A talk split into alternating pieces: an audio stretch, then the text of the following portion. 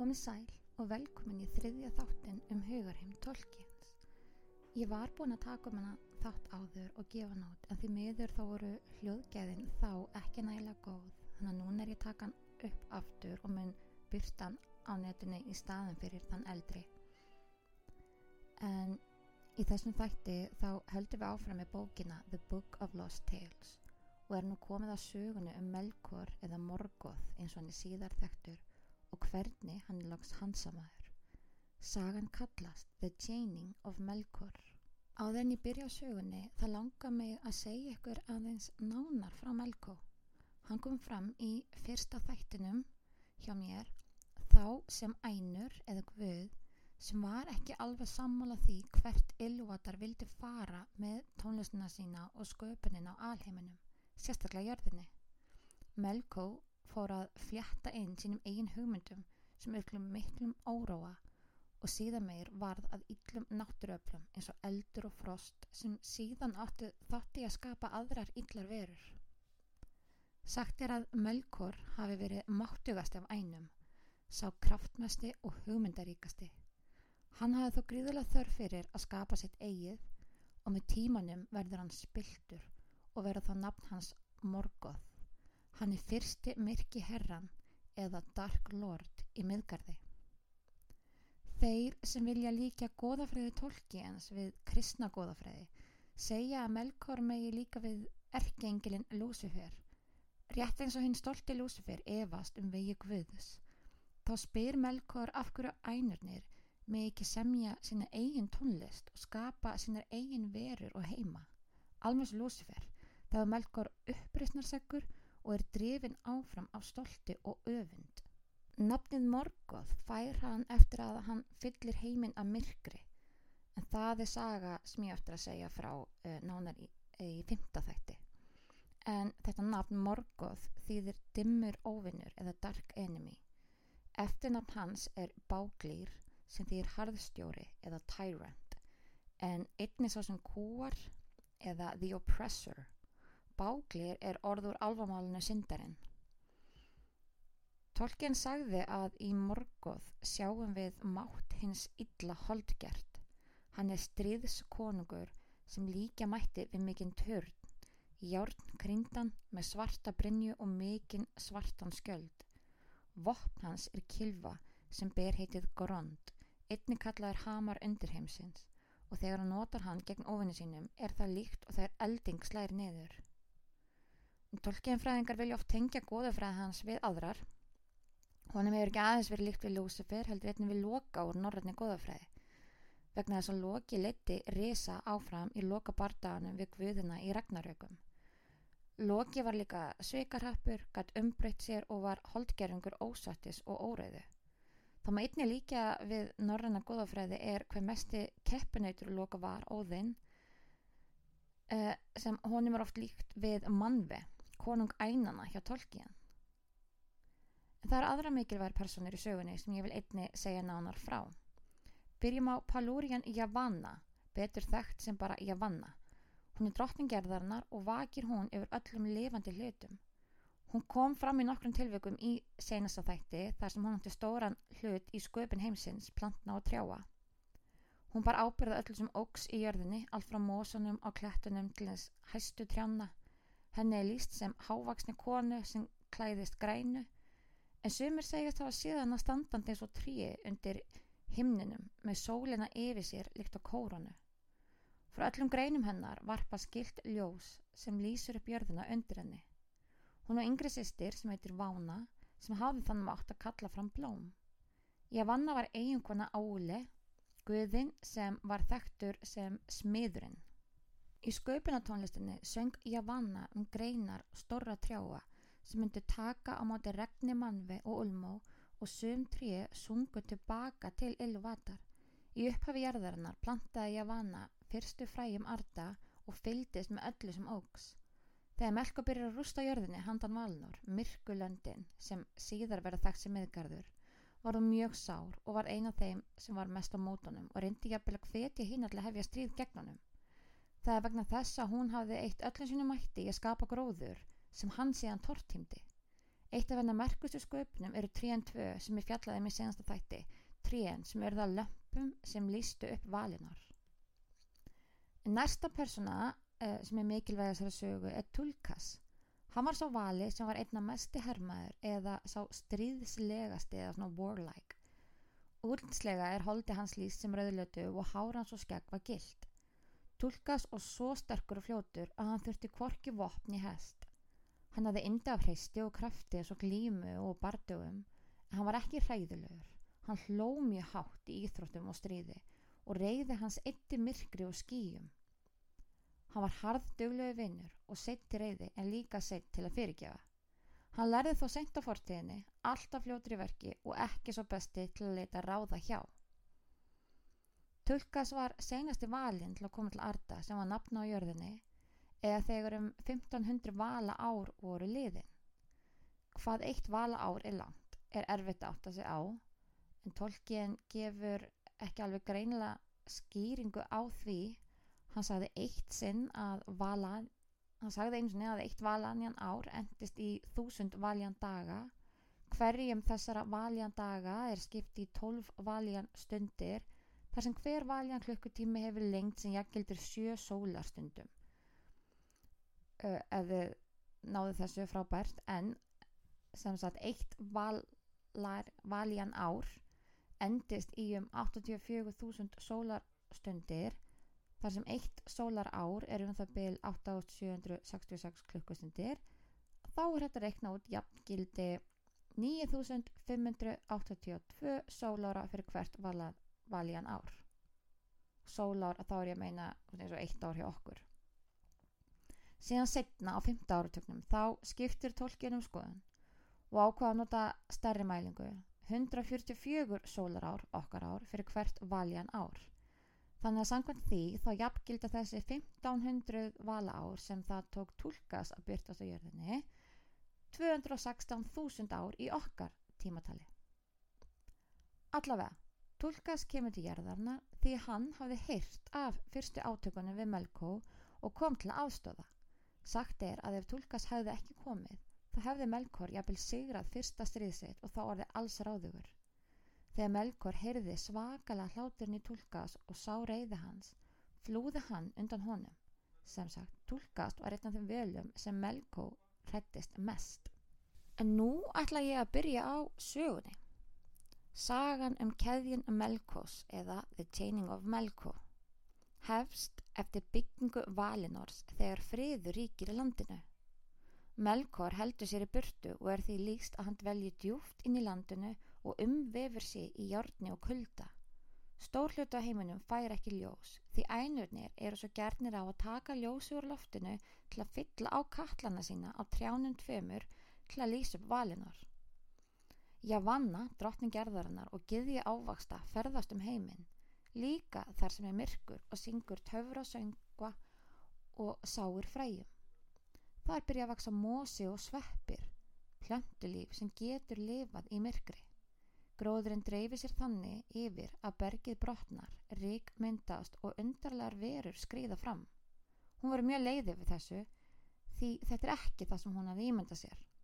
Þegar hún grætur á vonbröðum kemur og rómætlan til hennar og þau saman að krafta sína til að skapa líf í myrkrinu.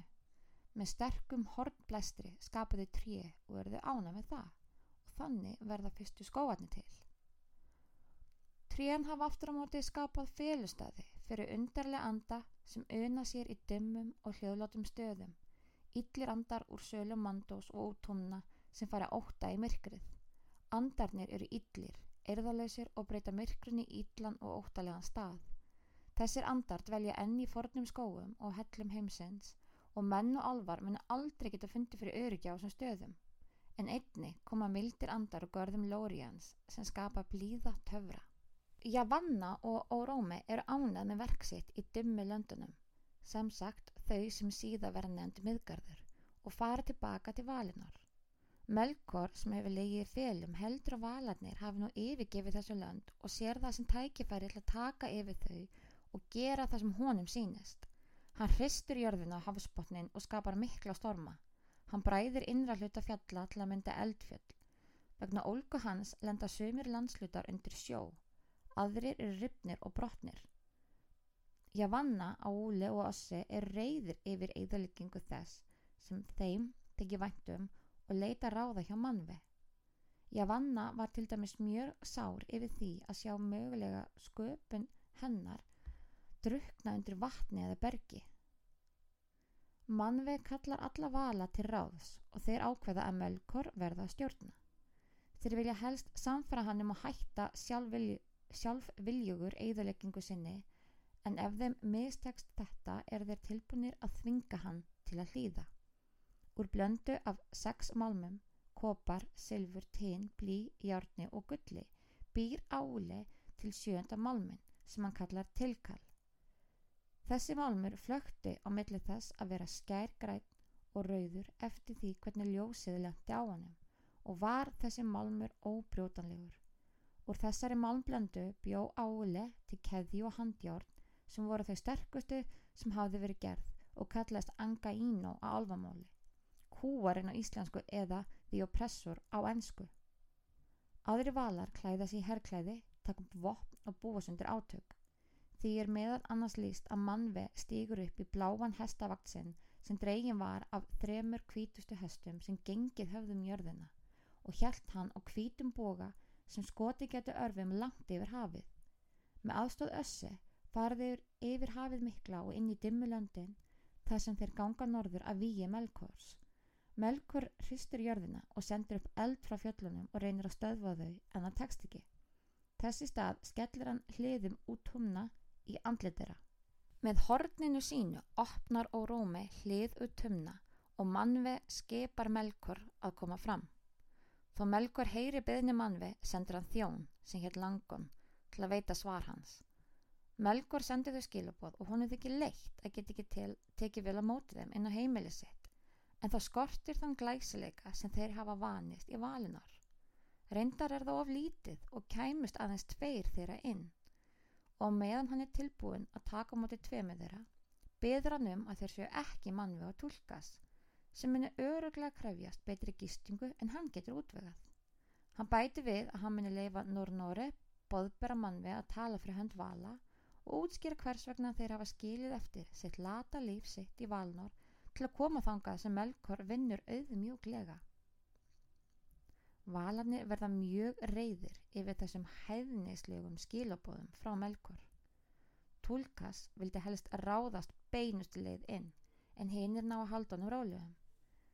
Þeir ræða hvernig þeir geti spilað á stolt Melkors og senda inn Nornóri sem segir við Melkor að Guðurnir sjá hversu reyður Melkor er en þeir vilja skilja hvaðan reyðans komi og af hverju hann hafi ákveðið að hrista upp í jörðinni og brjótana.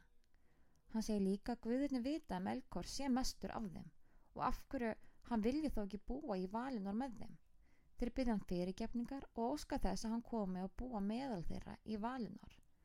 Þar sem Áli með byggja honum herra hús en Tani Koedil sem var hæsta fjallið þar. Hróki Melkors nær yfir donguritt hans þegar hann heyri þetta og hann segir að hann muni veita þeim náðun svo framalega sem þeir leggja til hlýðar vopt sín, síni honum virðingu í útúmna og leifi honum að reka tulkas frá valinar. Valar gera sig að því að vera samlað þessu og bjóða tulkas sem þræl í hlekkjum sem Melkor þykkur. Valarnir leggja nýja vopt sín og vefja kæðina anga ín og utanum tulkas Hún var svo þung að Tulgas var sjálfur í vandra með að bera þær og að hann var svo sterkasti. Síðan ganga nokkru valar inn þar til það koma að Melkor sitjandi í hásæti sínu. Salnum er líst sem dimmum, fullur af yllum göldrum, dölafullum skuggaverum, ráfandum og stórum snákum sem skriðu upp eftir súlum. Mann við segja við hann, sjá nú, við höfum komið hér og sýntir virðingu í þínum eigin sölum Komdu nú og verður með okkur í valinar. Melkor aftur á móti heimtar að mannvend neyji sér og krjúpi fyrir honum og eftir honum eigi allir aðri valar að gera slíkt til sama. Tulkas aftur á móti skuli kissa fætur hans. Mannve virðist ætla að fara þessum óskum en Tulkas og Áli verða svo reyðir yfir að sjá mannve niðurlegan svo að þeir spretta fram með órómi skant frá. Útbrötast átök þar sem Melkor öskrar og sveiplar kilvi sinni í átt að mannvei en mannvei blæs svo kröftulega og svo kraftmikill var andadráttur hans að kilvan flýgur tilbaka að Melkor og ná hinnir að grípa hann og vefja hann í keðjuna anga á. Og Rómi spyr hvort er ekki að drepa hann þarna. En svo er ekki hægt því Guðina er ekki hægt að drepa. Eftir átökin er Melkor þó skattaður með skurðaminni og síndi hans andlit hans áverka eftir högg frá Tulkas. Bundin, fjötraður og neyðulegður er Melkor dregin út. Ulma og Tulkast brjóta hlið út tumna og hrúfa steinum hátt yfir þau. Myrku virðnar í útumna eru hins vegar skildar eftir inni og í gegnum aldirnar finna þessa verur undankomi leiðir og halda áfram yllundum sínum í heiminum auðan. Melkor er fluttur aftur til Valinar þar sem hann stendur fyrir dómi. Margi mæla gegnunum. Aðeins makar vali talar í þáu hans og aðeins vegna þess að makar trúði því að heimurinn væri döfur ef aldrei kæmi til átaka eða bardaga og ef það er þið ávalt friður. Svona eins og þess að ég benda til að, að heimurinn verði búin að hafa leiðilegur. Javanna segir að hún vilji ekki sjá eftir bardaga eða átök því slíkt myndi tortíma fegurina sem hún hefði skapað, gróðurinn trén og blóminn og þessi töfra hennar myndi aðeins blómstra ef friður ríki. Mann vil hlustar á alla vala og tekur tillit til skoðana þeirra. Hann gerir sig grein fyrir að Melkor er máttugur og mikilvægur æni og ég stóran þátt í framtíjarðarnar og í baráttunni millir hins góðs og íls. Úrskurður hans er þá sá að Melkor skuli í þrjár aldir vera tjóðræður í keðjunni og dvelja í dýflissu mandós. Eftir þann tíma má hann koma aftur í ljósið millir trjána tveggja en þar skal hann í fjórar aldir vera þjóttn fyrir tulkas. Þegar hann hefur áinnið sér rétt til þess getur hann lifað í friði meðal hinna í valinar. Ekki er allir sáttir við úrskurðin, sérstaklega tulkas og javanna sem virtust hata Melkor mest, en þau örða að sætta sig við hann. Eftir þetta ríkir mikill friður í heiminum í langan tíma. Tímabil sem er sagst vera það allra friðsalasta í sögu valunar og alls heimsins. Melkor muni dvelja í aldir, í djúpum dýflesum mandós þar sem hjarta hans mun halda áfram að verða svartara og svartara. Hafið hættir að vera órótt, eldarnir undir fjöllunum slökna Jörðin hættir að skjálfa og kuldan lægir svo ís sem sapnast hafi í fjöllum og ám fyrir að bráðna. Javanna fer það um löndin og sáur frægin sínum ákaft, svo að skóarnir fjölga og stækka, svo að gróður er fann að vaksa allstaðar og nýjar plöntur verða til. Fjölmörg dýr eru sköpuð af henni og fyllir ulmu og sjóuna fiskum. Loka setningin í sögunni hljóðar svo á ennsku Behold, There was a time of great peace and quiet, and life struck deep roots into the new-made soils of earth, and seeds were sown that waited only for the light to come, and it is known and praised as the age of Melkor's chains.